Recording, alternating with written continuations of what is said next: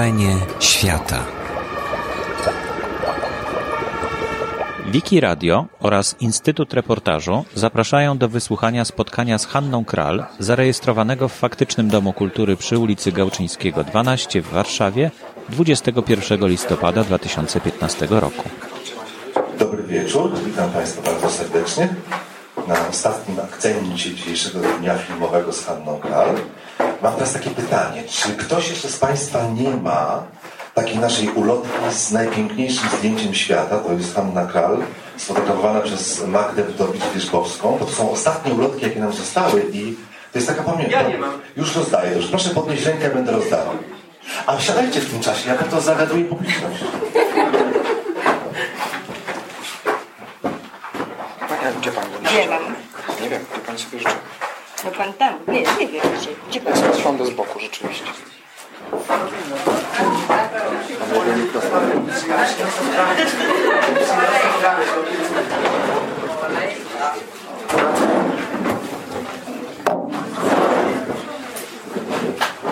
Zdjęcie jest naprawdę piękne i zostało zrobione specjalnie. Taka sesja zrobiona do naszej książki którą przygotowaliśmy. Bardzo ładnie. Tak, a jak ulotek, a bo to samo zdjęcie jest w książce Kral. Oczywiście, książka jest do kupienia w tej poniższej cenie, inne książki Hanny Kral także, które wydało wydawnictwo Dowody na istnienie. E, Także to jest sesja przygotowana do tej książki, a ta książka jest z okazji e, 60-lecia pracy zawodowej Kral. E, I z tej okazji też jest nasz taki weekend, nazwaliśmy go szumnie festiwalem. E, Finał tego wydarzenia będzie jutro w Teatrze Studio o godzinie 20. Z tego co wiem jeszcze jest 7 wejściówek w Teatrze Studio do odebrania. Jeśli ktoś tam rano chce pójść o 8 jak odkleją kasę, to polecam. Ile wejściówek zostało? Chyba 8 albo 6. Jest duże zainteresowanie. E, A dzisiaj rozmawiamy o, przede wszystkim rozmawiamy o filmie Daleko od okna, który e, większość z Państwa przed chwilą widziała. Bo mnie bardzo ciekawi, jak z takiego krótkiego reportażu ta z Hamburga można zrobić tak długi film. E, To nie jest przytyk, broń Boże. Ale też i o, o, mm, o pewnym romansie będziemy mówić. Może mm, y, do romansu dojdę za chwilę. Przedstawiam Państwu naszych gości. Oczywiście witamy serdecznie samą Hannę Kral.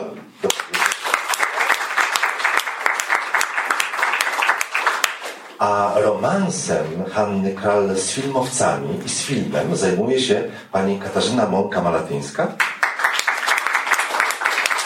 autorka książki Kral i filmowcy.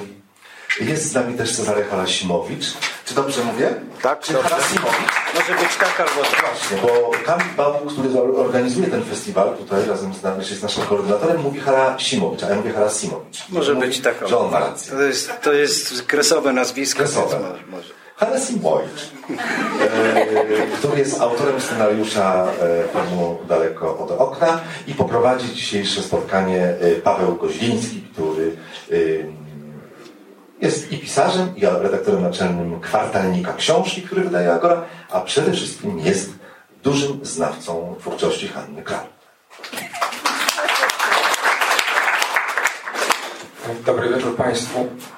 Mm, Ja myślę, że nie będziemy robić wstępu, tylko będziemy od razu e, próbowali dojść do sedna. E, nie, jednak musi być preludium, bo od mniej więcej od dwóch tygodni e, dostaję SMS-y od Hanny Kral. Czy Pan już myśli? E, oczywiście myślę. E, myślę od kilku lat, te po, SMS-y są ponawiane co, e, co dwa dni. Czy Pan już myśli, czy Pan już tydzień, co tydzień. Hmm, co trzy.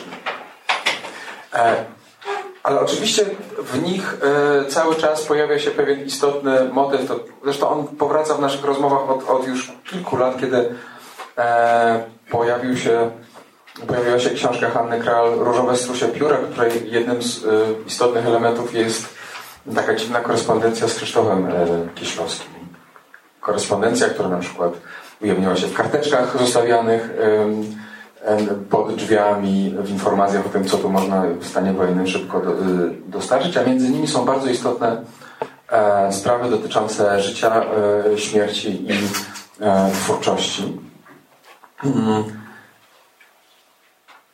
A to, co jest e, tym kluczem w ogóle, do, do, który pojawił się w tych SMS-ach i w naszych rozmowach, to jest taka potrójnie dziwna sytuacja.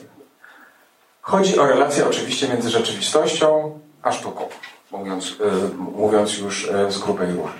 Bo oto e, mamy, kiedy filmowiec zabiera się za e, twórczość Hanny Kral, podwójne przetworzenie. Oto Hanna Kral e, bierze rzeczywistość, gdyż nawet jeżeli pod, pod czasami w opisach nawet daleko od okna jest napisane, że to jest na podstawie prozy Hanny Kral, Hanna Kral jest re, reporterką, sama przynajmniej tak twierdzi.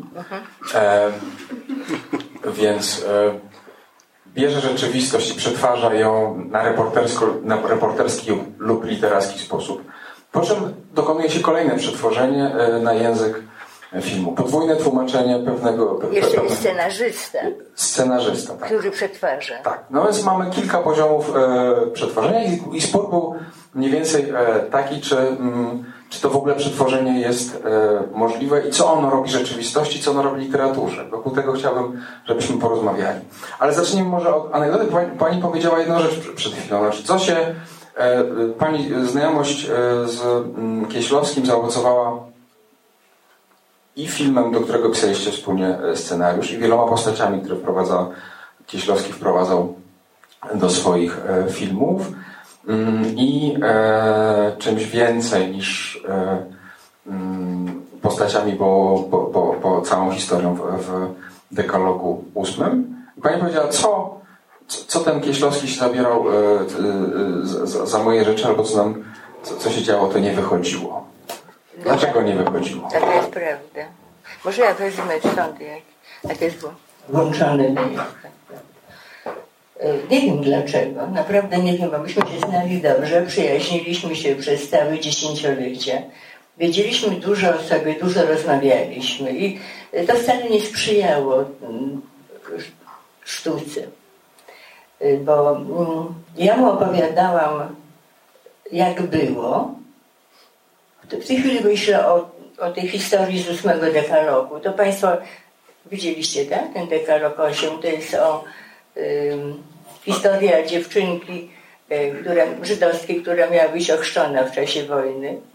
E, I rodzice chrzestni w ostatniej chwili e, odmówili. Chrztu powiedzieli, że nie, nie mogą dawać fałszywego świadectwa. To jest ósmy dekalog. Nie mogą w kościele mówić, kłamać, a musieliby kłamać od początku do końca. Nie mogą kłamać w obliczu Boga. I to była rozmowa taka, ja opowiadam jak było, a Krzysztof mówił, ale tak nie mogło być. W tym musiało być coś innego, coś więcej. Więc ja wiedziałam, jak było, a on wiedział, jak mogło być, albo jak powinno być. I to jest historia taka no, typowa. Tak jest zawsze między, zawsze między mną i reżyserem. Ja wiem, jak było, a on potem wie, co należy z tym zrobić. Ja jestem bezradna i w gruncie rzeczy bezbronna. On zrobił dwa filmy według trzy właściwie, tak? To pani Katarzyna wie. No tak, pani wszystko wie. No, można każdym razie zrobił, zrobił, zrobił y, film o Radomiu według mojego reportażu. I ja uważam, że to jest najgorszy film Kieślowskiego w ogóle ze wszystkich. Są też nudny, nudny jak. Się wstydził zresztą. Zły film, niedobry, źle obsadzony, niedobry film. A reportaż, według którego on robił, zupełnie dobry. Reportaż był w porządku. Reportaż był monologiem tego sekretarza w Radomiu. Ale o tym jeszcze pewnie potem będziemy mówili dokładnie, prawda? I zrobił ten y, dekalog ósmy, y, który według mnie jest najsłabszym filmem w całym tym y, y, ciągu. Czy rzeczywiście jest najsłabszym? To... Tak mi się wydaje. No chyba tak jednak nie. Nie? Nie, nie, nie, nie, nie jest aż tak źle. Nie. To znaczy z krótkim dniem pracy to ja się zgadzam. Zresztą sam Kieślowski uważał, że ten film jest nieudany, ale też e, tak przy odrobinie dobrej woli to można zrozumieć, dlaczego on taki jest. E, I jak ja taką zawsze tak staram się pisać e, w ten sposób zawsze o filmie i tak myśleć, jeśli już jakiś temat podejmuję, no tak chyba z potrzeby chwili powstał, prawda? Trochę tak na szybko, że tak brzydko powiem. Natomiast z dekalogiem ósmym to ja myślę, że to też, to, to, oczywiście nie jest żadne dzieło wybitne, nie jest to może najgorsze w ogóle z wszystkich dekalogów, ale myślę, że to jest ten problem, który bardzo często pojawia się przy tematyce holokaustowej. W filmie, w którym ten, ten wątek się bardzo często pojawia, Kiedyś naliczyłam, że w Polsce powstało ponad 200 filmów fabularnych, w którym pojawia się ten wątek. Więc 200 filmów? Tak, 200 filmów fabularnych. Licząc dokumentów, których jest znacznie więcej. I ja myślę, że problem polega na tym, że bardzo często po prostu ta tematyka rozsadza formę filmową, to znaczy tą dosłowność filmu. E, to... Film się w ogóle nie nadaje, że no, robienie. Obawiam się, że coś takiego jest, że bardzo często spotyka twórców porażka. Czasami się udaje, ale bardzo, bardzo rzadko i no, gdybym znała przepis na to, jak się udaje, to pewnie bym robiła filmy. No, Wida się udało. No, Wida się udało, tak, ale w Widzie to nie jest wątek pierwszoplanowy, prawda? więc to jest zupełnie inna sytuacja. Mówimy dość chaotycznie, ale rzeczywiście uważam, no, bo że... nawet zdradziliśmy puentę w ogóle tej rozmowy. W ogóle wszystkie były jakieś wątki. To pan nie, będzie ale... pilnował. Ja tylko powiem, że rzeczywiście film nie nadaje się w ogóle, moim zdaniem, do opowiadania o zagładzie. I bardziej już teatr, bo teatr nie udaje, teatr wiadomo, że jest na niby. Teatr jest umowny samej swej istoty. Jest to w porządku, bo jest na niby. Ryszard Bartlikowski zrobił dwa razy, według moich reportaży, przedstawienia i były dobre. Dobre były naprawdę. Dybułka robił Apolonię. A, a film udaje, że jest naprawdę. Jest jakieś oszustwo w tym. Jest, jest dosłowny, jest dosłowny. Bo nie, nie powinno się robić filmów o zagładzie. No, czy, czy można prosić o ściszenie? Czy, czy film e, Daleko od okna jest filmem o Holokauście? Nie, nie jest. Nie, to nie jest film o Holokauście, absolutnie. To znaczy, e, oczywiście gdzieś tam w tle jest e, kontekst, os, osadzenie i tak dalej, i tak dalej. To, to jest, ale, ale nie, nie ma bezpośredniego odniesienia do, do, do, do Holokaustu. No, dlatego wydaje mi się, że taka E, ten film jest no, o miłości. E, o miłości, tak. O miłości, o tożsamości, o, o, o, o zdradzie, o zagubieniu, o, o dziecku i dwóch matkach, no, krótko mówiąc. No, jak, zawsze jak, jak streszczam y, ten film, no, tak trzeba robić, jak się pisze scenariusze, y, to używa się przeważnie jednego lub dwóch, dwóch zdań. Nigdy nie, nie mówię, że to jest film o Holokauście czy o zagładzie, tylko jest o tym, że e, córka ma dwie matki i, i, i to jest właściwie kwintesencja tego. Natomiast jeśli chodzi o, jeśli można na moment e, zrobić dygresję i o tej nieudanej współpracy e, z, z Kieślowskim, chociaż ja nie wiem, czy to aż tak strasznie nieudane było, no ale tak wydaje mi się, że Państwo za dużo może rozmawialiście między sobą. To, to nie też trzeba nie, rozmawiać. Nie trzeba rozmawiać. Za późno. Y, nie, to trochę, trochę żartem, y, ale z punktu widzenia mm, mojego osobistego, ale jednocześnie scenarzysty, bardzo jest ważne takie zaufanie autora pierwowzoru. Jeżeli, jeżeli coś takiego jest, y, to ten człowiek, który przejmuje pałeczkę i jest w następnym etapie y, tworzenia czy przetworzenia czegoś, y, nie czuje związanych rąk i to jest, to jest, to jest bardzo ważne. Y, ja miałem parokrotnie taką sytuację, że Mm, autor, czy pisarz, czy pisarka siedzieli mi na plecach i to się naprawdę źle kończyło. To, to, to albo jest zaufanie, albo, albo nie. W naszym wypadku było zaufanie. Ale ja nie siedziałam nad głową. Nie, właśnie nie. nie, nie, nie. nie. O, nigdy na to nie Ale może czuł, że... To może właśnie szkoda. Ale akurat wam powierzyłam ten reportaż, bo to był reportaż ta Hamburga Normalny, prawdziwy reportaż to są bardzo krótki, 10 stron chyba. No. E, nie, 10. 10, 10 tak. I miałam zaufanie i do e, pana Czarka, wiedziałam, że on będzie robił scenariusz i, i ogromne zaufanie miałam do Kolskiego, Jana Jakuba Kolskiego. I uważam, że film jest dobry, w porządku film jest. Zanim doj- dojdziemy do filmu, to jeszcze... mm, Okej, mówimy o... Na razie sobie powiedzieliśmy objętość, tak? 10 stron. Trzeba pisać scenariusz, scenariusz w. Pewnie. E, Ale przecież nie o to chodzi. To znaczy, co tak naprawdę było, a czego e, nie było, Nie było. E, w tym e, scenariuszu, w, w tym reportażu e, i na czym polegała w gruncie rzeczy praca na, na, na przetworzeniu z jednego języka na drugi.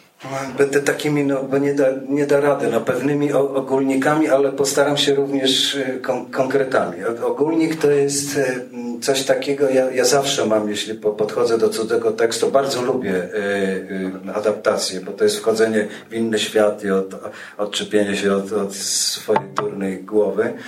Y, To jest y, mm, znalezienie jakby klucza y, przede wszystkim. To znaczy, że trzeba znaleźć jakiś, ja- jakąś taką główną nutę w, w danym tekście, któ- y, która będzie prowadziła do wierności, będzie, będzie wierna z, z danym tekstem. I, I ten klucz wydaje mi się, że od razu gdzieś, gdzieś, gdzieś znalazłem i coś za- zadrgało górnolotnie mówiąc w duszy, że wydawało mi się, że, że, że wiem, że, że wiem jak trzeba Hannę Kral przełożyć na język filmowy. To jest e, mm, e, jakby to powiedzieć, to jest taka syntetyczność z jednej strony y, i, i trzeba mieć na tyle wyobraźni i umiejętności, żeby zrozumieć, co jest między kropką a dużą literą następnego zdania. Bo jest y, ba, bardzo często Hanna Kral po prostu operuje tak y, syntetycznie i takim skrótem, y, żyli i umarli. No, a teraz co, co, co, się, co się wydarzyło? To nie śmieje, czy daje odwagi? To tak, to, to, to jest, to jest. Akurat proza Hanny Kral jest e, tak fantastyczna, że uruchamia niezwykle wyobraźnię. To jest, bo, bo, bo te skróty są w tak, w tak dramatycznych i dramaturgicznie ciekawych miejscach, e, że można je mm, przyjemnie wypełniać. To jest, to jest jedna rzecz. E, Natomiast tutaj, e, akurat jeśli chodzi o ten reportaż, właśnie, właśnie te, też jest kłopot. Czy to są opowiadania, czy reportaże, czy to są bajki reportażowe. E, Trudno to określić, dlatego myśmy, myśmy umieścili, że to jest proza po prostu. Ale czy to miało znaczenie? Czy, czy to jest Nie, tak, że, że, że, że, że ma, ma, okej, to są czyste fa e, fakty, chociaż w, w języku literackim? Czy to ma znaczenie? Czy to sprawia, że się czuje scenarzysta bardziej odpowiedzialny za, za, za, za to, co wyczynia z tą No historią? tak, ale i odpowiedzialny i nieodpowiedzialny, bo trzeba jakąś y, no, z tych dziesięciu kartek zrobić sto, tak jak pan powiedział. No, a, ale żeby to zrobić, to trzeba opowiedzieć konkretną fabułę. Konkretna fabuła filmowa musi mieć głównego bohatera. Akurat tutaj jest pewna trudność, dlatego że właściwie tych bohaterów jest y, kilkoro. E, Więc trzeba, trzeba wyłowić tego jednego, przez którego będziemy da- daną y, opowieść snuli. No, w tym wypadku jest to, jest to Jan, mę- mę- mężczyzna. Mogła być Helusia, mogła być Barbara, można było, y, było to opowiedzieć z różnych punktów widzenia, ale mnie się wydawało, że to jest naj, naj, y, najzręczniejsze, dlatego że, że on, y, to on jest spiritus movens całej tej, tej sytuacji. E, mm, A jak wiadomo, bohater musi przejść z punktu A do punktu Z e, w opowieści filmowej i musi pokonywać pewne przeszkody. Na drodze Jana tych przeszkód jest najwięcej. To jest, to jest ta pierwsza rzecz, którą, ta druga rzecz po tej, po tej nucie. E, e, po tym znalezieniu klucza do, do, do, do prozy. E, Następna rzecz to jest trzeba wybrać e, z tych fragmentów m, prozy Hanny Kral, akurat z tej z Hamburga, takie elementy, które będą się, wy- wydają się scenarzyście bardzo filmowe, a które są kluczowe. To znaczy wszystkie najważniejsze punkty zwrotne akcji i tak dalej, i tak dalej, oraz te fragmenty, które stanowią o istocie treści. Mogę się wciąć? Znaczy, czy w, tych, czy w tym tekście to była łatwa praca dramaturgiczna? To znaczy taka, że w tej e, prozie Pan widział dokładnie to, tak, co, co, tak, co, tak. Jak, te zwroty? Tak, jak, jak, jak już znalazłem ten, ten, ten klucz, tę wspólną nutę yy, i głównego bohatera, to, to już mniej więcej wiedziałem, jak, jak trzeba rozbudowywać tę fabułę oraz znajdywać takie elementy, ale to już jest oko yy, scenarzysty, powiedzmy, w miarę wprawnego. Jeżeli w, w prozie, yy, w reportażu jest yy, takie zdanie, że naprzeciwko był komisariat Gestapo, to, to aż się prosi, żeby to, żeby, żeby to rozwinąć i żeby z tego zbudować wątek. I, ta, i taki wątek został tutaj zbudowany po, po, po postaci tej, która gra, gra Sosnek, tak? czy Jodła. Jodła. Jodła. E, e, Pieczyński no, no nie, nie ma w reportażu. Ale trudnością sporą była, już zaraz będę kończył, e, e jakby to powiedzieć, niejednorodność czasu i miejsca. W reportażu tych miejsc jest kilka, bo to jest i Lwów, prawda? Znaczy okolice Lwowa, e, Częstochowa, e, Austria, Hamburg. Tych miejsc jest, jest dużo i trzeba się zdecydować, jaki rodzaj opowieści my snujemy. Ja sobie y, wymyśliłem, że to będzie opowieść zgodna z tym, co w tym reportażu jest jedną z rzeczy najważniejszych, to znaczy opowieść o szafie. Jeżeli opowiadamy o szafie, to znaczy, że opowiadamy o, o szafie, która jest takim no, archetypem XX wieku straszliwym, to znaczy opowiadamy E, klaustrofobiczną opowieść, czyli aż się prosi, żeby był rodzaj jedności miejsca, prawda? No więc to, to był następny wybór taki techniczny, e, e, dosyć trudny, że trzeba było się na coś zdecydować i coś uciąć, skrócić, nie kontynuować tam. Nie ma na przykład całego tego powojennego, długiego wątku E, Helusi, która ma dwa małżeństwa, syna, e, wstrząsająca rozmowa e, z adwokatem. No tego, to już się, to już się nie mieściło. No gdzieś trzeba było tę historię skończyć, a, a wydawało mi się, że naj, najlepszym momentem na skończenie tej historii będzie śmierć Jana, krótko mówiąc. No więc tyle na razie mam do powiedzenia. Jak to z Pani punktu widzenia wyglądało? Czy, czy Pani, e, bo w wypadku Kieślowskiego ósmego, ósmego epizodu, nazwijmy to w ten sposób, czy ósmego przekazania, e, główny problem w, w debacie, którą potem Pani przeciągnęła do, e, i wpisała w Białą Marię, jest kwestia motywacji głównego bohatera. Kieślowski niejako dopisał historię bohaterowi, która uzasadnia jego jego decyzję o odmowie e, chrztu. Pani nie daje, e, nie chce dawać e, odpowiedzi. No tutaj, tutaj Cezary Harasimowicz też dopisywał pewne wątki, musiał uzupełnić postacie o, o motywację. A, I tu jakby nie ma buntu. Gdzie jest różnica? Ja myślę przede wszystkim, że wracając do tego, co pan Czarnek mówił, ja obawiałam się jednej rzeczy, E, która jest w ogóle najtrudniejsza, mianowicie, e, a zwłaszcza była trudna w tym filmie, e, zdarzenie mm, wojny z PRL-em. Bo tu musiało nastąpić jakieś takie tąpnięcie. Wojna, okupacja, zagłada, ta szafa, ten strach, to poniżenie, ta ciąża koszmarna. To wszystko miało, to było takie ostateczne, to, tam, była, tam było życie i śmierć, tam były sprawy, tam była miłość, tam była odwaga, tam były, tam były rzeczy ostateczne i najważniejsze, jakie są. Natomiast w PRL-u była miałkość, była taka nicość, taka miałkość. I ja uważałam, że, znaczy później rozumiałam, jak, jak oni, oni, to znaczy e, scenarzysta i reżyser, jak, się uporają z tym jak, że na, musi nastąpić jakieś tąpnięcie, taka. Y, byłam bardzo wdzięczna panu Czarkowiczu i, i, i Korskiemu, że jakoś tak suchą nogą, że tak powiem, przeszli przez to, że tego tąpnięcia nie ma w filmie, chociaż ono po prostu groziło, wisiało nad tym filmem. I uważam, że ono, ono zawsze wisi nad, nad każdym przedsięwzięciem, kiedy zderza się czasy zagłady y, z tym, co było po wojnie.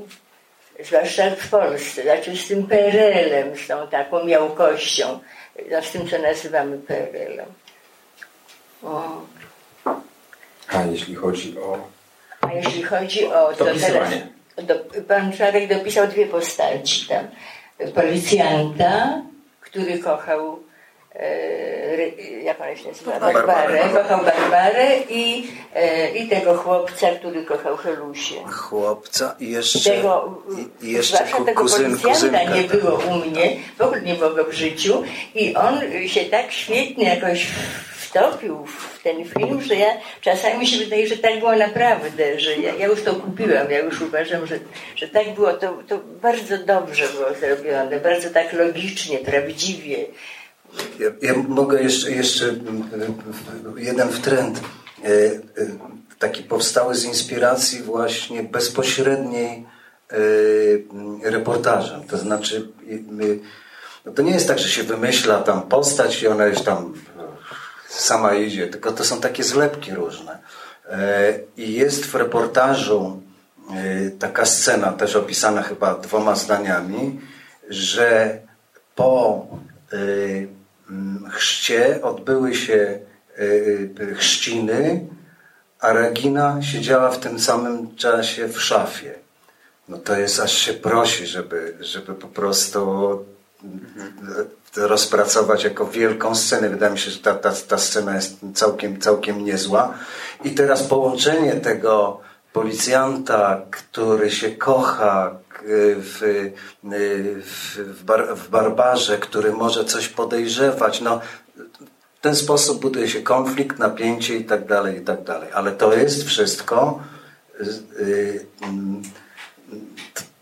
no, wyjęte z reportażu. To, to, to inspiracja, to, to, to ziarno jest, jest, jest w reportażu. A w związku z tą szafą, to za chwilę dojdziemy do tego, o czym się dowiedziałam godzinę temu, do tych scen wizyjnych, czy pora już? Ale nie, nie, jeszcze, jeszcze nie pora. Nie, bo moim zdaniem i tak jeszcze by tego filmu nie było, gdyby nie pewien e, film, by motyw, który musiał uwieść e, scenarzystę. Po prostu musiał. To znaczy ta sytuacja e, imitacyjna, e, tak. jeżeli chodzi o, o ciążę, znaczy bez względu na to, czy to byłaby opowieść, która się dzieje w, w w Warszawie w roku 45, w Hanoi w 67, w Australii w 2014. To jest, e, to, to jest historia, która jakby mm, no, trochę robi film, tak? Mądrze to się nazywa entelechia, e, czyli, czyli sprężyna po naszemu, czyli przyczyna sprawcza. Tak, poduszka pod, pod sukienką, E, jest, e, jest właśnie tą, tą, tą sprężyną, która, która potem ma swoje konsekwencje w postaci dziecka i tak dalej, no, postaci mm, jakiejś e, schizofrenii, w, w której żyją, żyją główni bohaterowie. No to jest, to jest, to jest nie, niesłychane. To ja, ja nie wiem, czy ja w ogóle z czymś takim się jeszcze spotkałem w, w ogóle w literaturze. Czy no właśnie, bo, bo, to jest, łączy się z tym, z, z tą właśnie waszą dyskusją z, z Kieślowskim. Bo Kieślowski pisał do pani, że właściwie ile można o tych Żydach. Czy to jest to ciągle ta sama historia od żydowskiego losu? Oczekujemy, e, wiemy czego oczekujemy od żydowskiego e, losu i to jest e, powtarzalne, to jest po prostu pewna topika właśnie tego, tej historii inne, jest przecież to fantastyczne opowiadanie, kiedy pani, nie, opowiadanie, reportaż, reportaż, w którym pani odmawia, e, e, przy okazji opowiadając tą historię, jednemu z, bo, e, z bohaterów, jednemu z ocalałych e, zajęcia się jego historią, właśnie dlatego, że ona powtarza e, ten, e, ten los. I tu nagle się okazuje, że po prostu to jest zwykła rzecz, która doty, dotyczy warsztatu każdej sztuki filmowej przede wszystkim, że tam właśnie musi być coś e, szczególnego, musi być wartość dodana, która sprawia, że ponad ten los e, możemy wyjść. E, Ale jest- w tym ten Holokaust, ta wojna druga światowa, urok jej polegał na tym, że tam nie trzeba było dodawać niczego, że żadnej wartości dodanej. Ona sama w sobie już była jedną wielką wartością dodaną. Ona nie wymagała tego, co Kieślowski nazywał nadwyżką, bo ona sama była tym czymś ostatecznym. A jak pani patrzy na to, na, na to przetworzenie e, tego reportażu e, w, w scenariusz, to e, co tam tak naprawdę zostało z Kral, a co tam jest już z, z, z, z Krasimowicza, a potem z, Polskiego? Nie, Nie, to pani pytanie. To już, to już pani. To, to, to oczywiście jest trudno tak bardzo wy- wyekstrahować, e, co z kogo, e, ale ja myślę, że e, nie wiem, czy tutaj Pan się zgodzi ze mną, że twórcy tego filmu tak solidnie czytali Kral. To znaczy nie tylko ten reportaż, ale w ogóle Kral. Bo ja na przykład tam bardzo wiele widzę takich wątków myślowych, nie scen, ale wątków myślowych, które jednak przykładają się, co jest dla mnie jako filmoznawcy bardzo ciekawe na obraz, na przykład sublokatorki, to znaczy jasny i ciemny los, który przykłada się tutaj na, na piękne zdjęcia Arkadiusza Tomiaka, e, który dzieli ten kadr na ciemną część i na jasną część. I to, to podzielenie kadru, ono się tutaj wielokrotnie pojawia, kiedy ta bohaterka spogląda z szafy, ale nie tylko w tych scenach, kiedy ją widzimy też pogrążoną po prostu, myślę o Reginie oczywiście, pogrążoną w cieniu. Także myślę, że y, jest dużo nie tylko z tego jednego tekstu, ale w ogóle z lektury, y, z lektury innych y, tekstów Kral. Ale też uważam, że jest coś takiego, no bo film rządzi się, jak wiadomo, innymi prawami niż tekst literacki, tekst reportażowy. I na podstawie, na podstawie reportaży pani Kral powstały też przecież filmy dokumentalne. I one są zupełnie, y, to jest jakby zupełnie inna praca, wydaje mi się, z tekstem reportażowym, inny też efekt końcowy, y, że tutaj powstaje film fabularny, który no, ma taki wątek, mówiąc w uproszczeniu, melodramatyczny, prawda, który niesie po prostu tę historię. I wydaje mi się, że to się udaje tutaj właśnie, bo powiedzieliśmy na początku, że te historie holokaustowe są trudne dla kina. E, Ja nie, nie twierdzę, że one się do końca nie udają, ale to się tutaj udaje, dlatego że przede wszystkim to jest historia ludzi. E, Inaczej niż e, w Dekalogu 8, gdzie jednak ten temat sam się wypycha na plan pierwszy, do siłą rzeczy. Natomiast tutaj to jest dramat właściwie czworokąta miłosnego.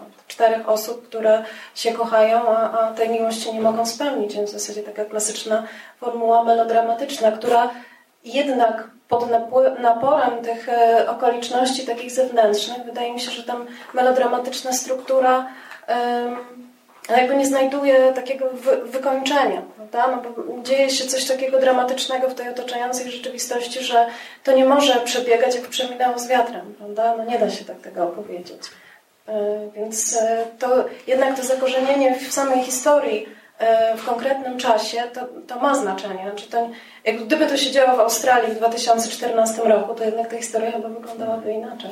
Ja jeszcze jedną rzecz sobie przypomniałem w, w tej chwili, jak pani m- m- mówiła, że ja w tym tekście i w tej historii znalazłem strasznie górnolotne to będzie, ale taki antyczny pier, pierwiastek. To, to znaczy, że to jest, w gruncie rzeczy to jest jakaś niesłychanie antyczna e, e, opowieść i dlatego ona jest e, uniwersalna i dlatego można było o wojnie opowiedzieć bez wojny. E, Gdzieś ta wojna jest mm, daleko za, za, za górami, za lasami. Zresztą ten, y, ten wątek, czy to, to uzasadnienie dla sięgania po, tekstu, po teksty Hanny Kral się powtarza. Znaczy, przecież Warlikowski w gruncie rzeczy mówi dokładnie to samo i to samo e, robi na scenie, konfrontując te e, reportaże z, z, Z Grekami. Z, Grekami. Mhm. Może wyjaśnijmy, że na Polonii tak właśnie Tak. zrobił, że na, początek, na początku była Orysteja, a potem była historia Apolonii, kobiety, mieszkanki Kocka, która próbowała uratować Żydów i zginęła razem z. Ale to nie jest tak, że to są historie po prostu y, sklejone, tylko rzeczywiście są głębokie, by także strukturalne y, podobieństwa czy identyczności. Oczywiście, tak. Y, Dobrze, będziemy Alkestis, Alkestis opowiadać teraz, prawda? No. Ponieważ Alkestis y, postanowiła umrzeć za, za swojego męża, króla Admeta. A Admet jeszcze prosił rodziców swoich, żeby umrzeć, bo no wypada, nie wypada streszczać. Admet prosił rodziców, żeby zginęli za niego, bo tak bogowie mu pozwolili, że ktoś mógł za niego zginąć, wtedy jego życie miało być darowane. E, Ale rodzice nie mieli wcale ochoty. Ojciec zwłaszcza nie miał ochoty ginąć za, za syna. Chciał jeszcze pożyć. E, I taka historia, to straszne co mówię, ale właściwie taka historia zdarzyła się w czasie II wojny światowej, kiedy e, Niemcy przesłuchiwali e, dzieci, chłopców, siedmiu i ośmioletniego syna Polonii i, i ją samą e, i jej ojca. Powiedzieli ojcu, że jeśli on weźmie, jeżeli on powie, że tylko on ukrywał Żydów, to, to, to życie córki będzie darowane. To córka będzie żyła. I ja to znalazłam, to jest w książce Christophera Browninga zresztą ta scena. Niemcy, na, był proces tych Niemców, tego batalionu sławnego, batalionu 101 mieszkańców Hamburga. Oni robili pacyfikację Lubelszczyzny i oni za- zastrzelili, mm, zabili Apolonię i tych Żydów. I jeden z tych Niemców opowiadał o tym, że zapytano ojca, czy to on ukrywał Żydów. I ojciec milczał, po prostu milczał. Nie powiedział, że to on. I zabili, zastrzelili, mm, zastrzelił Apolonię Niemiec, który e, jak twierdzili mieszkańcy Kocka, kochał się w Apolonii, którego widywano z Apolonią, jemu kazano zastrzelić Apolonię. I kiedy już on, ona już nie żyła, to ten ojciec, ojciec wtedy przestał jeść, zagłodził się i umarł. Po prostu umarł. Sam ze siebie umarł. Po, po paru tygodniach. No i to mm, właściwie ta historia. Zresztą e, zrobił rzecz absolutnie genialną, bo kiedy y, Cielecka grała Alkestis, kiedy umarła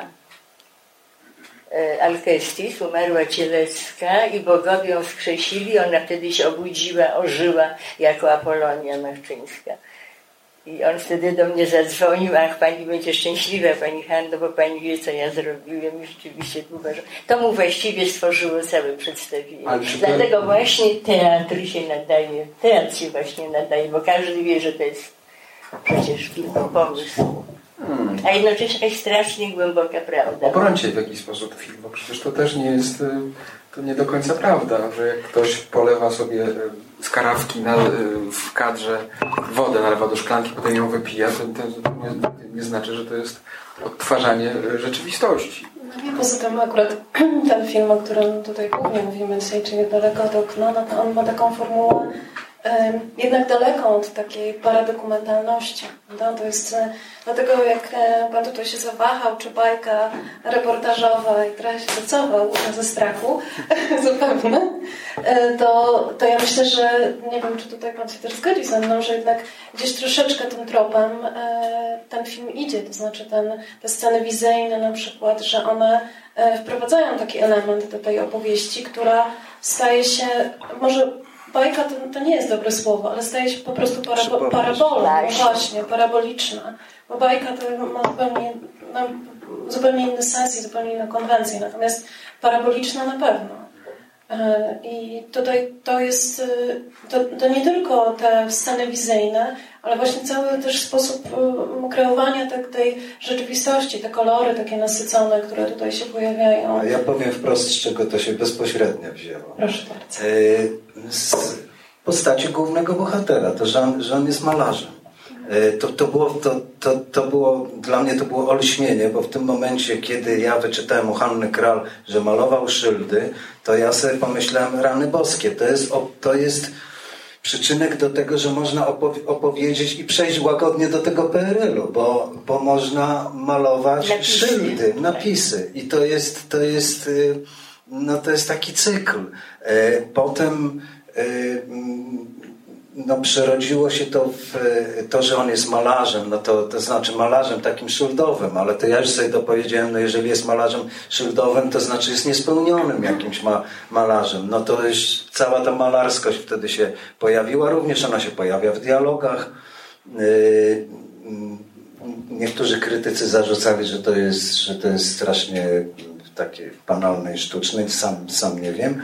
E, ale tak mi się wydawało, że to jest, że, że, to będzie, że to będzie naturalne. Mało tego, to jeszcze jest taki ważny e, element, że to w jakiś sposób otwiera tę klaustrofobiczną prze, e, przestrzeń. To, to, że to malarstwo, które, które gdzieś tam jest jakimś takim fantomem, daje, daje większy oddech. A teraz przechodzimy do wizyjnych No właśnie, bo myśmy przed spotkaniem trochę się o to spierali. To właściwie to jest e, mm, bardzo istotny element, mianowicie e, pani Hanna Kral e, twierdzi, że to właściwie ratuje kino, takie przejście z, z, z rzeczywistości w, w umowność. W, w, umowność tak? To jest właśnie to, ten swoiście teatralny element w, w filmie Kolskiego. Ja przyznam Państwu, że oglądałem po dłuższej przerwie daleko od okna ja kompletnie wy, wy, wyparłem, wymazałem z, z, pamięci te właśnie wizyjne sceny, dlatego że dla mnie ta historia... Tego w scenariuszu nie było. Właśnie. E, te, te, te, ta historia w, w czworokąta jest domknięta i absolutnie dla mnie samowystarczalna. Nie ma tutaj, e, nie ma potrzeby e, tego, tego dodatku. No, jak Pani w ogóle widzi, znaczy, jaki, jaki to ma, jakie to ma znaczenie? Czy ja pamiętam, e, że to w recenzjach był często podnoszony wątek taki raczej w negatywnym tonie, prawda? że te wizyjne sceny rozbijają strukturę tego opowiadania i że faktycznie nie wiadomo trochę dlaczego one są, bo przecież to nie są wspomnienia, trochę nie wiadomo co to jest. No ale one są tak wprowadzone tutaj, że wiem, widz, przynajmniej ja jako widz miałam takie poczucie, że to są jakieś wyobrażenia e, bohaterki, bo one są, zwykle zaczynają się od tego, że wcześniej mamy ujęcie Reginy w bliskim planie, bądź tutaj szafę, w której ona się znajduje. Natomiast e, one współgrają jednak z tymi wszystkimi ujęciami plenerowymi, które tutaj się pojawiają, które rzeczywiście tę przestrzeń w pewnych momentach otwierają i wprowadzają do tej opowieści taką, taki element uniwersalny i one wynoszą te historie, nie tylko one, ale one również, może są taką trochę, powiem brzydko, podpórką, które wynoszą te historie jeszcze na plan taki e, paraboliczny, tak? bo tam pojawia się przecież też ten werset hebrajski, czym ta noc różni się od wszystkich innych nocy, który też ma taki walor e, symboliczny. To wydaje mi się, że one się bronią, a nawet pomagają temu filmowi. Ja pamiętam, to jest bardzo ciekawe, dlatego że jeżeli gdzieś w tle pojawia się w filmie wątek Holokaustu, czyli on jest na pierwszym planie, tak jak w Korczaku Wajdy, mm, to jeżeli pojawiają się w takich filmach sceny wizyjne, to zwykle wszyscy się przyczepiają, że to jest bardzo źle. Tak samo było z Korczakiem, przecież jego potwornie zjechano e, Wajdę za to, co się stało z, z końcówką tego filmu. E, a mnie się wydaje, że, że jest dokładnie że nie zawsze może, ale akurat w przypadku i tego filmu, i Korczaka myślę, że jest dokładnie odwrotnie, że te, te sceny właśnie wynoszą, czy pomagają stać się tą opowieścią e, w oczach widza parabolami i pomagają też zobaczyć jednak e, na taki element kreacyjny w tej opowieści, który tutaj idealnie współgra z tym e, malarzem, bo przecież z jego perspektywy jest opowiadana historia, z perspektywy kogoś, kto kreuje rzeczywistość na płótnie. To są najpiękniejsze sceny w ogóle w tym filmie. Najpiękniejsze, najbardziej wzruszające. A pan patrzy na mnie z takim zdziwieniem. Zadumą. Ze zdziwieniem, dlatego że ja tam przede wszystkim szukam... Bo one, to jest takie odchodzenie świata. Ja wiem, że można powiedzieć, że to jest takie małe żydowskie miasteczko, w którym bohaterka nigdy nie mieszkała, bo ona była żoną adwokata i recytowała tu Wima, tam jest takie ujęcie. Pianistką. Ale no nie można być takim strasznie racjonalnym widzem. To było piękne i ważne i to było to, co mówi Pani, że to jakoś podnosiło ten film. To było odchodzenie, tym- to było odchodzenie narodu właściwie. Pamiętaj, że ten film. Jan Jakub Kolski nakręcił, więc to, to, to jest jego też charakter. Ale Pan się nie dystansuje przecież. nie, nie, nie, nie, nie, nie. Mało tego, ja powiem, y, z mojego punktu widzenia jest to jedna z najwspanialszych współprac y, z reżyserem. Y, y, Mimo tego, że Jasiek to jest chyba jedyny scenariusz nie, Nie jego. nie jego. Y, I był bardzo, bardzo wierny, a jeżeli cokolwiek zmieniał, Mogę nawet Państwu powiedzieć, jak, jedną scenę, którą zmienił, którą po- powiedziałem, no, tam, że go w rękę pocałuję za to, bo, bo to, był, to, to był typowy przykład fantastycznego, y, fantastycznej interpretacji reżyserskiej tekstu. Tam jest taka scena, kiedy, y, mm, kiedy Regina karmi y, dziecko, znaczy Helusie. Y, I tak, a na, naprawdę w scenariuszu było to, że Regina mówiła y, pij Helusiu, pij i teraz on wymyślił, że to mówi Barbara. I to jest po prostu fenomenalne no, po- pomyślane. Także y, scenarzysta raczej nie lubi, jak mu się przerabia sc- scenariusz, ale w tym wypadku y, szapoba, naprawdę. A kto właściwie do kogo przyszedł? Znaczy, czy to był to y, Kolski chciał, żeby pan y, napisał? czy... Nie, nie. To, to było tak, że producent Witek Adamek y, najpierw przygarnął tekst y, y, pani Hani i do mnie się zgłosił. Myśmy już z Witkiem tam wcześniej współpracowali. Jeden tekst mój też reż- reżyserował. I, I to było tak, że, że to było właściwie na zamówienie. No ja oczywiście niezwykle się ucieszyłem, bo ja uwielbiam prozę Hanny Kral i w ogóle uważam, że jest to jedna z naj, największych pisarek współczesnych na świecie. Tak, tak, tak uważam. E, e, I, e, no i to, był, to, to dla mnie było absolutnie no, no, no wiel, wielka przygoda. Ale mogę też jeszcze powiedzieć jedną rzecz, że to jest pierwsza wersja scenariusza. Po niej jeszcze powstało trzy albo cztery, albo, albo nawet więcej. I, yy, to jest taki właśnie przykład, że czasami taka robota filmowa jest bez sensu, bo, wszyscy uważają, że, że, że trzeba dziubać, przerabiać, poprawiać w nieskończoność i tak dalej, i tak dalej. A ja uważam, że taki pierwszy, że pierwszy, pierwszy, a, dobra, będzie tak, e, że pi- to, to, to, to, to, to, pierw, to pierwsze podejście, podejście jest e, zawsze, zawsze jakieś najciekawsze i Janek dostał e, e, były próby mm, zainteresowania tym tekstem wielu reżyserów. E, Nie będę nazwisk wymieniał, ale niektórzy w ogóle nie chcieli. Albo wymienię. E, Ło- Łoziński nie, nie, nie, chciał tego, nie chciał tego robić. Marcel Łoziński. Marcel Łoziński. E, Ja myślę, że to też bał się tematu po prostu, że, że to taki może być e, następny film o Holokauście.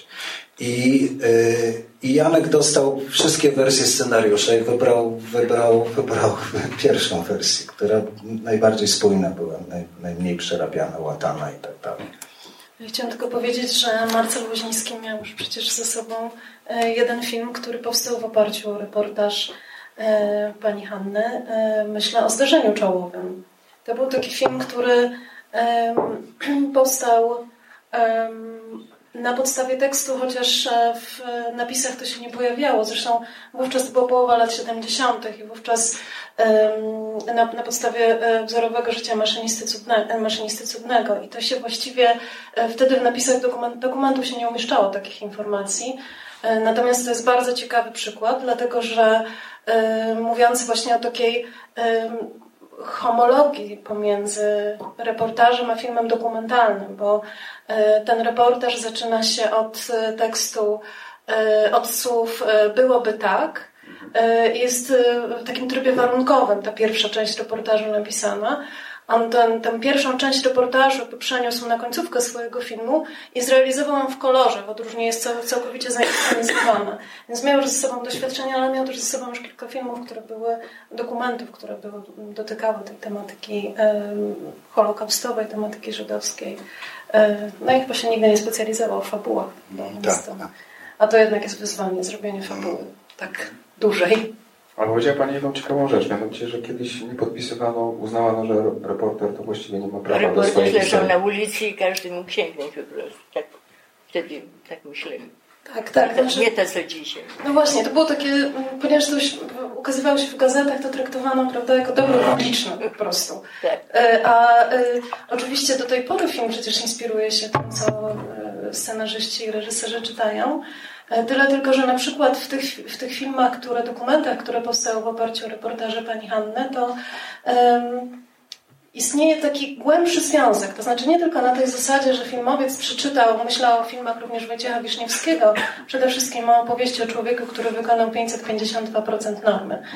Um, że to nie są tylko takie filmy, które powstały w oparciu o to, że reżyser przeczytał tekst i zobaczył, o, fajny bohater i zrobi o nim film, e, że jednak istnieje właśnie, tak jak tutaj na przykładzie tego, tej opowieści o maszyniście cudnym, powiedziałam, że wydaje mi się, że istnieje po prostu głębszy związek między samą strukturą tekstu, tym w jaki sposób e, pani Hanna pisze, a tym, co ostatecznie widzimy na ekranie. Więc, no ale rzeczywiście w napisach się ta informacja nie pojawiała wtedy. A Pani Hanna, czy to też działało w drugą stronę? To znaczy, czy to, że Pani pracowała z ludźmi kina, e, jako też e, zastępca kierownika literackiego w torze, tak? Mhm. Czy to w jakikolwiek sposób wpływało na to, jak Pani e, myśli o pisaniu, jak Pani e, pisze? Tak. Tak, to mi się, to mi się przydało, bo... Mm, kiedy ja zaczęłam pracować w torze, to było w stanie wojennym. Ja, kiedy odeszłam z polityki, to Krzysztof Kieślowski i Zanussi zaproponowali mi, żebym tam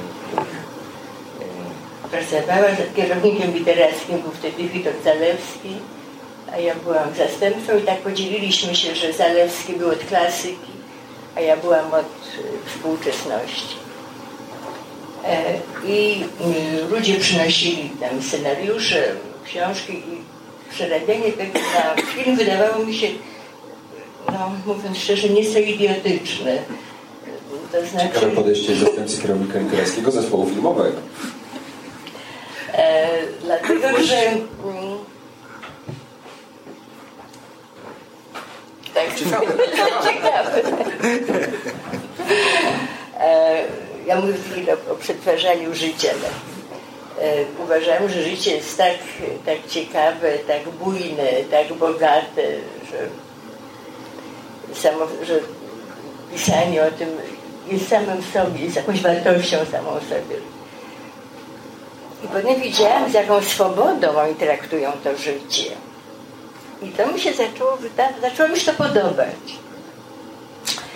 E, I na przykład napisałam wtedy, jak to, było, to był stan wojenny, to było teraz po stanie wojennym. I napisałam wtedy coś, co jest powieścią, to znaczy e, sublokatorkę napisałam. I w tej sublokatorce ja już sobie tak swobodnie e, traktowałam e, bohaterki, bohaterów, coś tam z czymś łączyłam. I to było dzięki mojej pracy w torze. Rzeczywiście tam też były wątki które tak się snuły potem i przedtem i potem. E, były wątki, które wziął Kieślowski do, do przypadku, e, do tej pierwszej części, tak, kiedy Łomnicki, Łomnicki zagrał jednego z moich bohaterów, autentycznego człowieka szczęsnego. Potem ja, on nazwał go Wernerem Kieślowski, ja mu potem odebrałam tego Wernera i on jest w sublokatorce. E, ale robiłam z taką większą swobodą, sobie poczynałam E, I to było bardzo miłe, bardzo miłe to było. Ja musiałam się tak strasznie trzymać tego życia, bo przecież reporter jest w okropnej sytuacji, jak Państwo wiecie, bo przecież często wie, jak powinno się życie toczyć, a to życie się nie chce tak toczyć, a życie się toczy po swojemu. I reporter jest uzależniony od życia i to jest czasami naprawdę e, dojmujące. Ja napisałam tę książkę mm, Król Piersnów na wylocie. Pamiętam, że dałam yy, pierwszą wersję yy, redaktorce, bo to było chyba wydawnictwie literackim. Ona to przeczytała i powiedziała, słuchaj, a czy ten mąż nie mógłby od niej trochę wcześniej odejść? Przecież tak byłoby lepiej dla dramaturgii książki, niech on wcześniej od niej odejdzie. Ja wiedziałam, że on powinien znacznie wcześniej od niej odejść. Ale no, nie, nie wolno, nie wolno. Po prostu trzeba tak opowiadać, jak było. E, I właściwie raz, dwa razy, bo napisałam dwie powieści, Sublokatorki i Okna. I mm, obie te książki zawdzięczam w pewnym sensie mojej pracy w torze. To znaczy taki takie swobodne traktowanie życia, które, jak mówię, przedtem wydawało mi się lekko idiotyczne, a potem okazało się, że się przydaje. Swoją drogą nie powinna Pani e, narzekać na, na, na, życie, jak się układa w opowieściach, które do Pani przychodziły, bo... E, o, mam wielką wdzięczność na życie, no skądże. W ogóle, e, a, a figura... E, Co to jest? Sprzężenie. E, a, a figura wielkiego scenarzysty czy ona przyszła raczej z teologii, czy raczej właśnie z doświadczenia filmowego? No, no wiem, nie pisaliśmy o tym pytaniu w SMS-ach, dlatego... ja powiedziałam, że ja nie mam, nie mam refleksu, dopiero pojutrze Ale... przyjdzie mi do głowy, co powinnam była Teraz mi to pytanie. Wielki scenarzysta pojawia się, no już nie mogę mówić, że to Pan Bóg, że to los, że to przeznaczenie. Przecież ja nie wiem, nie wiem kto prowadzi te losy, ale wiem, że one są prowadzone, że nie przez przypadek, one są prowadzone bardzo tak zmyślnie, bardzo logicznie, bardzo ten ktoś bardzo lubi na przykład puenty. Y, ja przez moje życie, przez moje pisanie przewinęły się setki ludzi, o wielu bardzo ludziach słyszałam, nie o wszystkich napisałam, ale znam bardzo wiele losów. I ja wiem, że, że te losy są ułożone przez kogoś. Po prostu ja to wiem, ja to wiem. I nie wiedziałam, jak, jak nazwać tego kogoś, więc oczywiste było, że to skojarzenie z wielkim scenarzystą po prostu było oczywiste, no, zwłaszcza dla kogoś, kto tam pracował. Ale to jest chyba logiczne, nie może być wielki scenarzysta. Ja mam ochotę teraz spytać e, scenarzystę, co na takie tego rodzaju związki e, e, warsztatu filmowego czy warsztatu scenarzysty z teologią? Z metafizyką? No, co jest w tych historiach? Znaczy, czy rzeczywiście to, co e, jest taką naturalną, czy też e, strukturą opowieści, jest tak naprawdę prawdą o życiu? Tak pan czuje, kiedy pan zaczyna opowiadać, czy tworzyć scenariusze? Czy to jest tylko tak, że to jest pewna struktura narzucana życiu? Strasznie trudne pytanie. A to na koniec, no możemy się trochę po, po, po Znaczy, na wstępie powiedziałbym, że y, tę figurę mm, metaforyczno-stylistyczną od czasu do czasu podkradam.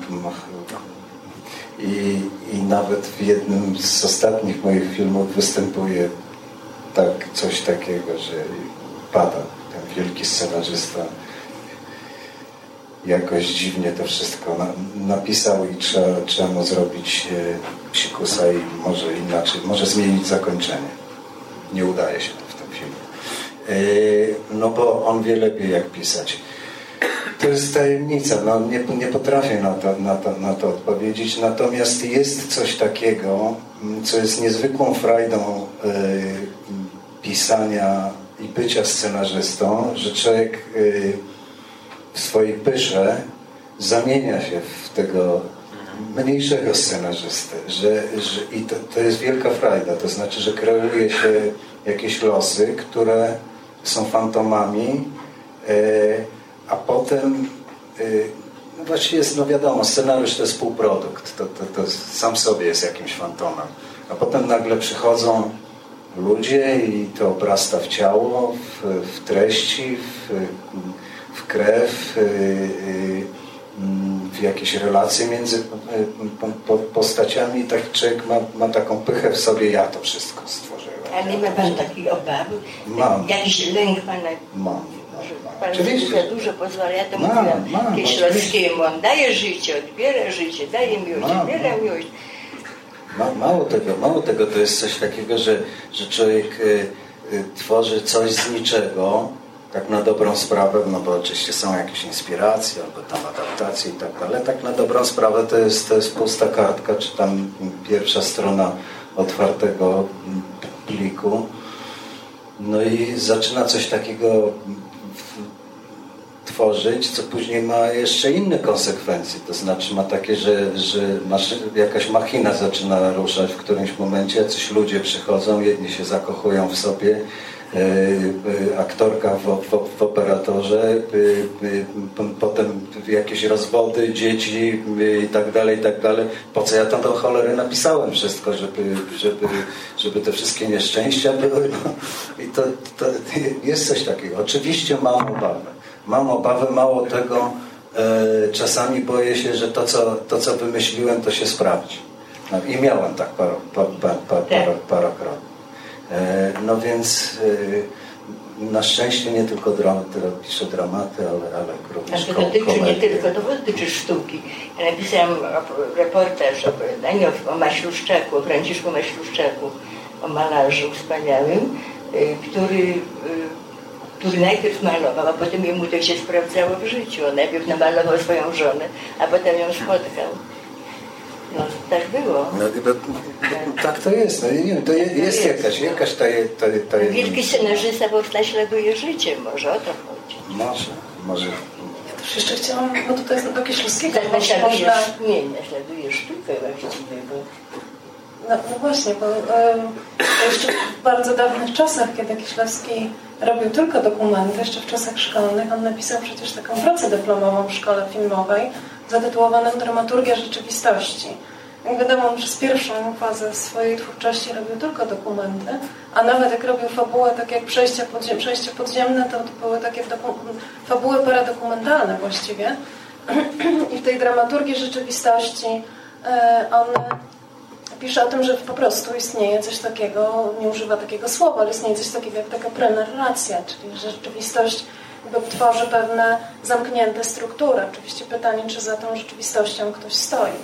Czy jest to wielki scenarzysta, czy Bóg, czy, czy, czy jeszcze, jeszcze coś lub ktoś innego. W każdym razie on y, też y, y, coś takiego dostrzegał, ale chyba faktycznie później trochę zapomniał o tej dramaturgii rzeczywistości. To znaczy, jak patrzy się na, na, y, na następne etapy jego twórczości, to, to coś takiego się, się dzieje. Jest więcej metafizyki, a mniej dramaturgii rzeczywistości. Czy mógłby Pan jakoś zręcznie przejść jeszcze, wrócić do tego do dekalogu, do ósmej części dekalogu? Wyobraźmy sobie, że zręcznie, zręcznie przechodzę do ósmej części dekalogu, a Pani teraz powie to, co Pani chce powiedzieć. Chcę powiedzieć, że książka Biała Maria, to jest moja ostatnia napisana książka, to jest pierwsza, to, tam są cztery części i pierwsza część jest właśnie jakby dalszym ciągiem, dalszym ciągiem e, jest moją, dalszym ciągiem mojej rozmowy z Kieślowskim. O tym zdarzeniu, o którym on zrobił film, o którym ja opowiedziałam e, w Białej Marii. Moją wersję opowiedziałam. Zresztą ten film e, on robił razem z Piesiewiczem, bo scenariusz napisali razem z Piesiewiczem, więc tam Piesiewicz w tej książce też jest. Zresztą dzieje Piesiewicza też są jakieś osobliwe i też e, jak na scenarzystę to ma on bardzo dziwaczne, dziwaczne życie. W każdym razie ten, ta Biała Maria jest, pierwsza część jest dalszym ciągiem. Zresztą ta, ten duch Kieślowskiego tam unosi się nad tą Białą Marią, bo mm, nie wiem, czy mogę jakąś dłuższą Oczywiście. Dobrze, że to nie ma Tochmana, bo Tochman zawsze mówi do mnie tylko króciutko. E, Kieślowski zrobił film Podwójne życie Weroniki. I on mi pokazywał, tak jak zwykle, pokazywał mi kolejne wersje tych pomysłów, najpierw tylko taki skrót, sam pomysł, potem jakieś opowiadanie, jakiś scenariusz i, i to mi się wydawało takie mm, strasznie wymyślone, strasznie dziwaczne, wymyślone, jak mogą być te dwie mm, dziewczyny, nie wiedzą nic o sobie, jedna umiera, druga żyje, no wszystko to było jakieś wymyślone. Ja mu powiedziałam, wiesz, jeżeli z tego, nie powiem jakiego słowa użyłam, jeżeli z tego czegoś będzie film, to, to znaczy, że ja po prostu już się w ogóle na niczym nie znam, już nie pokazuję mi więcej nigdy żadnych, żadnych swoich tych scenariuszy. No i potem zaprosił mnie na tą premierę. No i co, no i co, no jest film, no jest, no jest. Ale to bardzo popularny. Ja pamiętam, że następnego dnia po pogrzebie Krzysztofa pojechałam, byłam za granicą, tworzyłam telewizję i na wszystkich kanałach wszędzie, cokolwiek otworzyłam, wszędzie szły filmy Kieślowskiego i bardzo często było podwójne życie. I otóż y, w tym, kiedy, do, robiłam, kiedy dokumentowałam książkę, tą Białą Magę, znalazłam historię naprawdę identyczną, po prostu identyczną historię. Y, ja to nazywam podwójne życie porucznika Wiślickiego. Nie będę teraz Państwa zanudzać, ale jest to dokładnie taka sama historia. Było dwóch poruczników Wiślickich, nie wiedzieli o sobie, żyli właśnie takim samym życiem. Jeden zginął, y, drugi żył. I ja pomyślałam, że to po prostu Kieślowski mi złośliwie podsunął, powiedział, a widzisz, a widzisz, myślałaś, że to jest wymyślone, o proszę bardzo. Więc naprawdę ja zresztą wierzę szczerze, że on tak unosi się. Zresztą to jest kolejna historia, bo jeszcze moglibyśmy teraz rozmawiać o tych wszystkich możliwościach y, na scenariusze, które e, są wpisane w książki Hanny Kral. E, Może tu pani każdy z nas ma swoje ulubione, ale myślę, że jest czas, żeby Państwu oddać głos.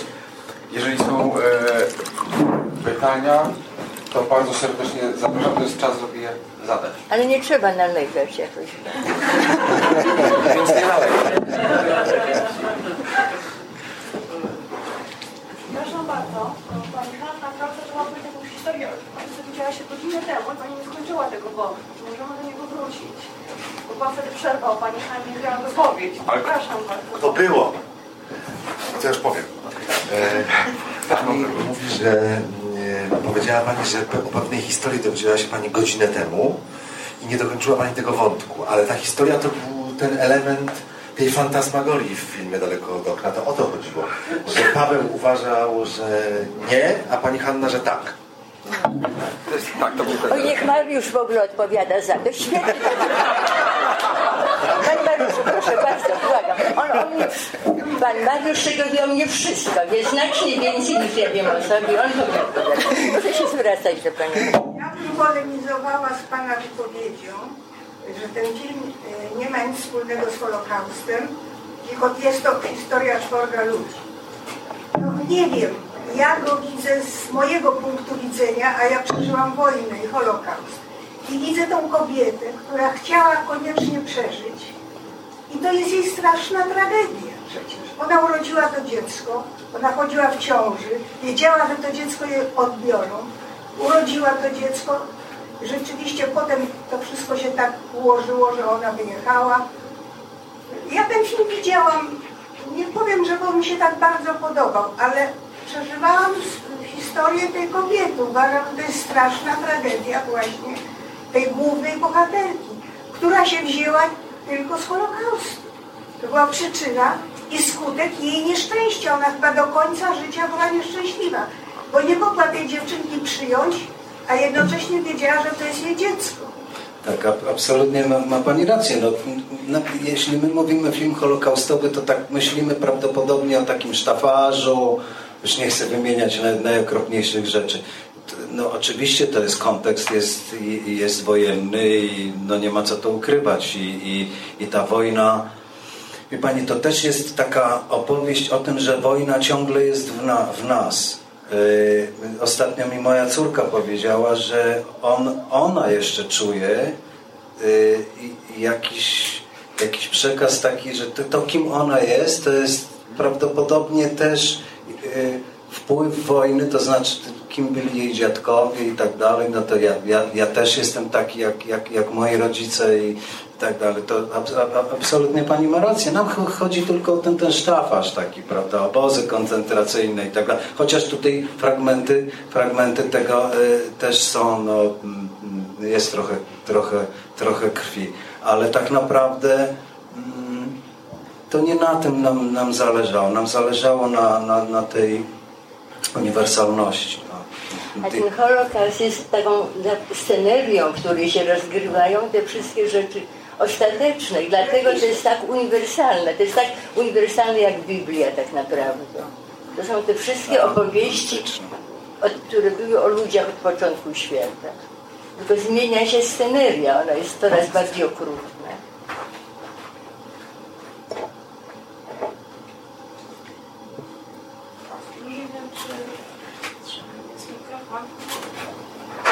Ja bym chciała zapytać Panią, bo e, mówiła Pani a propos tego filmu zrealizowanego z Kieślowskim, że to słaby film, ja go oglądałam, jest rzeczywiście strasznie nudny. E, I że moja pierwsza myśl była taka, ciekawe czy reportaż był dobry. Cieszę się, że Pani mówi, że był dobry.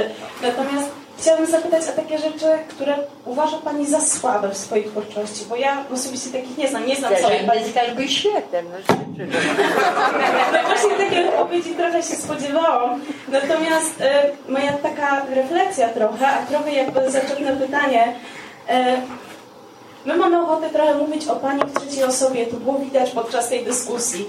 E, mówimy o Pani, chociaż jest Pani tutaj obecna, Hanna Kral, tak? Jest Pani swego rodzaju ikoną, jest Kapuściński, Konkolewski i Kral, tak? Polska Szkoła Reportażu, tak się zwykło mawiać, tak? Czy to nie jest trochę takie zamykające? Czy nie czuje się Pani trochę jak w szufladzie? No bo to, to, tak, to tak chyba jest. Nie, nie czuję się. Robię tym bardziej, że, tym bardziej, że no niestety... No, ja się nie dałam wcisnąć, mam wrażenie, ani zamknąć i każda kolejna książka była trochę inna od poprzedniej i y, nie mam tego jakoś na mózgu, że ja muszę być y, kimś kim oni, oni, oni, oni chcą mnie zrobić. Nie.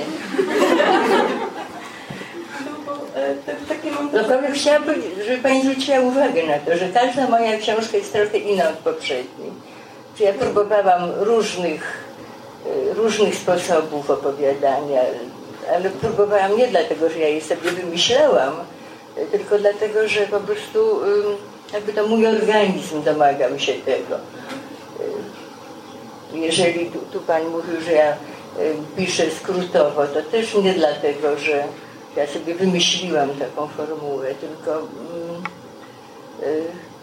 no, naturalne. Tak po prostu mój organizm wytwarza. Tak.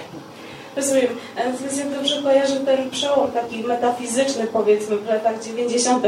Nie chodzi o trochę o coś innego, bo pani pisarstwo bardzo się zmieniło z takiego powiedzmy, jeśli była mowa w tym filmie z panem, tak, e, o, tym, o tych słowach, że jest ich coraz mniej, bo coraz mniej jest, e, są one potrzebne. Natomiast mam wrażenie, że też Pani twórczość jest coraz słabiej rozumiana, przynajmniej w tym takim młodszym pokoleniu niestety. E, miałam okazję prowadzić zajęcia ze studentami i e, tam już nie ma żadnej rzeki. No niestety młodzi ludzie już tego trochę nie rozumieją i nie, nie, nie rozumieją metafory też. Być może to takie pokolenie, a być może tak wiele się zmieniło. Chodzi też o tę pani kanoniczność, tak? Zdążyć przed Panem Bogiem, to, to taka etykieta, to jest Pani pewnego rodzaju ikoną. I nawet głupio jest mi to Pani mówić, Pani kral. A jak? Może orzeszkowe. Nie, mistrzu. Nie wiem. Przepraszam, dziękuję. To jest stary żart mojego męża. Ja ciebie jeszcze kiedyś zrobię orzeszkową. Zdążyć, zdążyć e, jest tak, że kiedy e, jeden z wydawców przygotowywał audiobook, taką serię audiobooków, e, to Hanna Kral zdała sobie sprawę z tego. Prawda, Pani Haniu? Pani się strasznie broni przed tym, żeby, żeby to zdążyć było takim jedynym, najważniejszym tekstem. Więc wydawca wpadł na fajny pomysł i dodał jeszcze jedną książkę i wtedy się e, pani Hania zgodziła na wydanie takiej wersji, żeby to było przynajmniej dwie strony twórczości, a nie, a nie jedno e, dzieło, które rzeczywiście jest w jakiś sposób ikoniczny, ale też zamykający, tak? Ale jeszcze muszę coś powiedzieć, bo te, tego prawdopodobnie pani Hania nie, nie wie, że to, czasami są takie rozmowy, ostatnio miałem taką rozmowę właśnie w wydawnictwie, rozpoczynała się jakaś praca nad, nad, nad, nad, nad książką i redaktor powiedział tak, y, a narrator to tak y, kral czy pilch?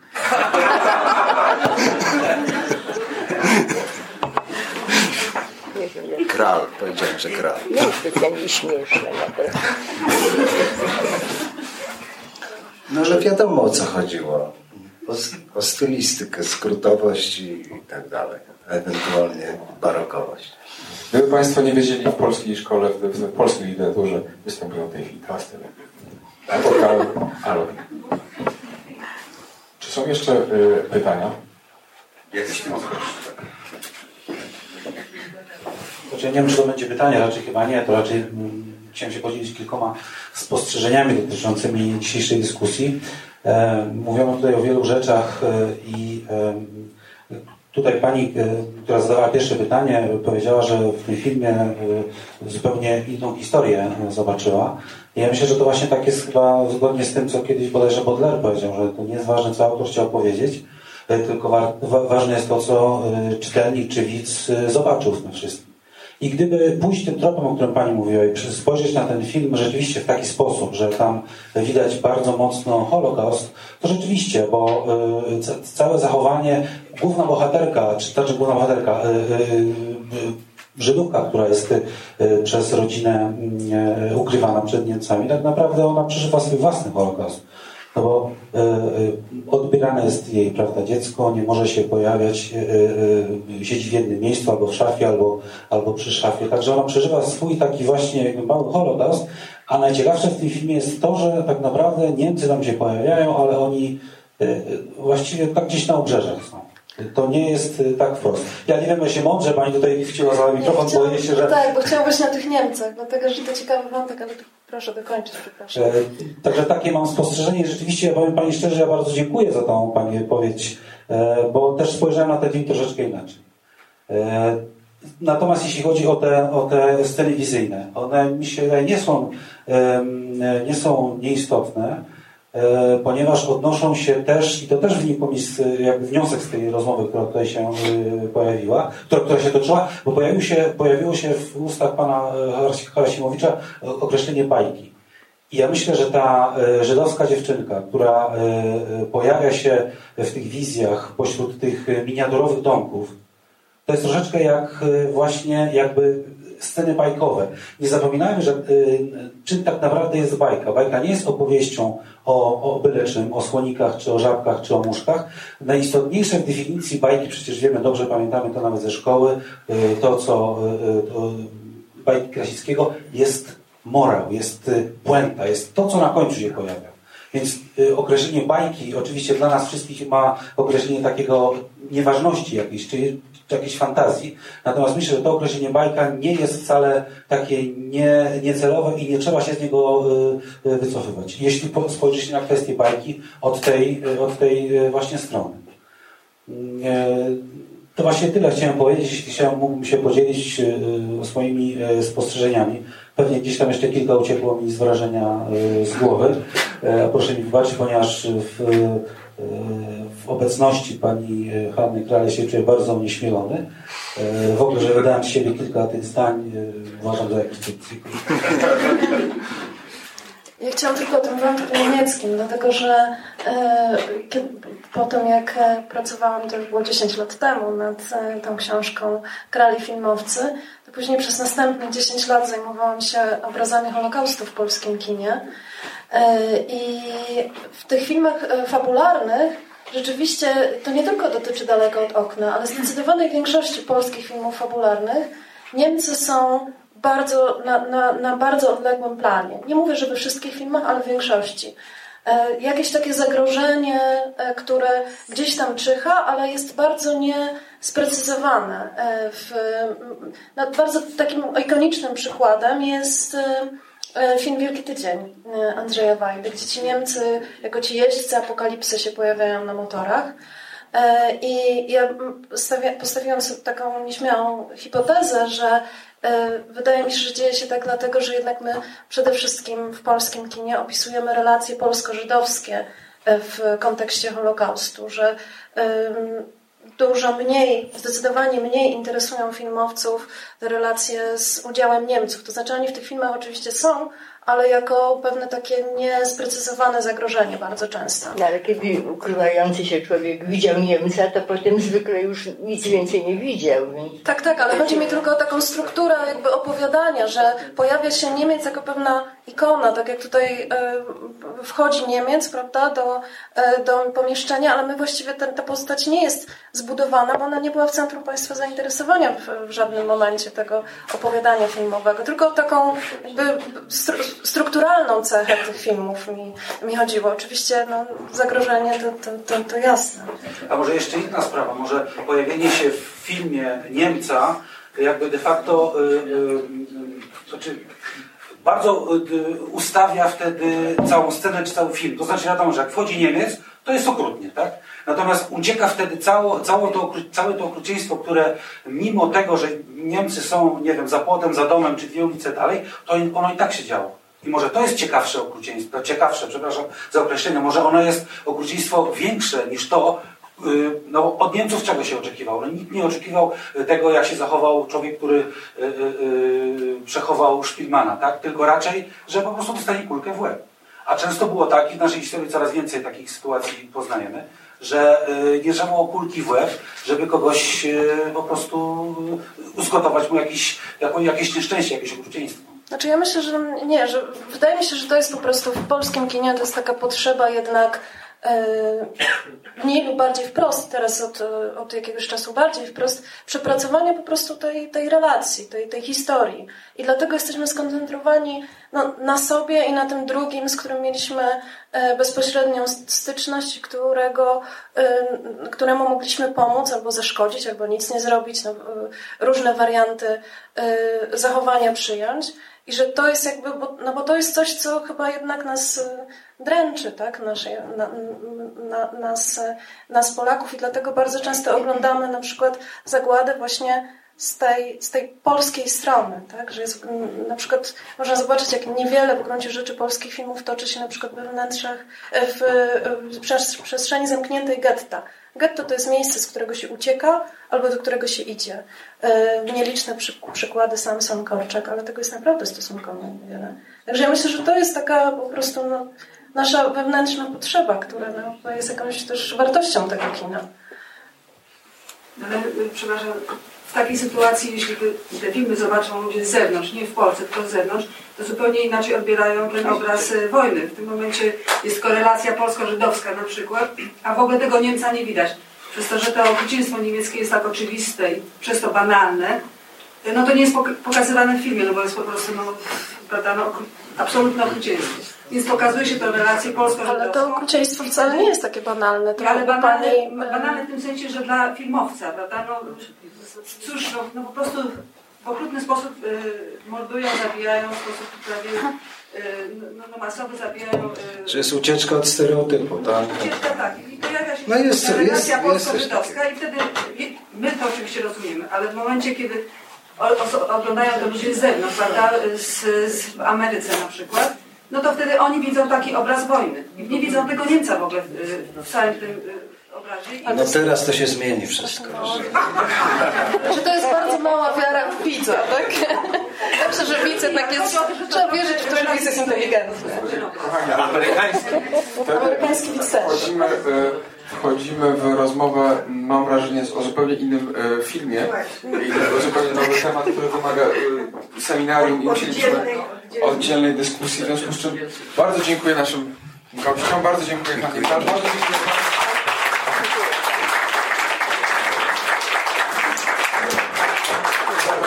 sześciu szczęśliwców jutro rano zaproszenia na spotkanie być na scenę. Oczywiście, jeżeli ktoś sobie życzy. Fundacja Instytut Reportażu zaprasza do swojej księgarni z literaturą faktu i kawą Wrzenie Świata na ulicy Gałczyńskiego 7 w Warszawie. Wejście przez bramy Nowy Świat 48 i Nowy Świat 52. Podcast Wrzenie Świata jest nadawany przez Wiki Radio w ramach nieodpłatnej działalności statutowej Fundacji Otwórz się we współpracy z Fundacją Instytut Reportażu. Wszystkie nagrania można znaleźć na stronie wrzenie.podcasty.info w iTunes i w katalogu polskich podcastów podcasty.info. Zapraszam do słuchania pozostałych podcastów Wikiradia. Można znaleźć je na stronie podcasty.info ukośnik Wikiradio.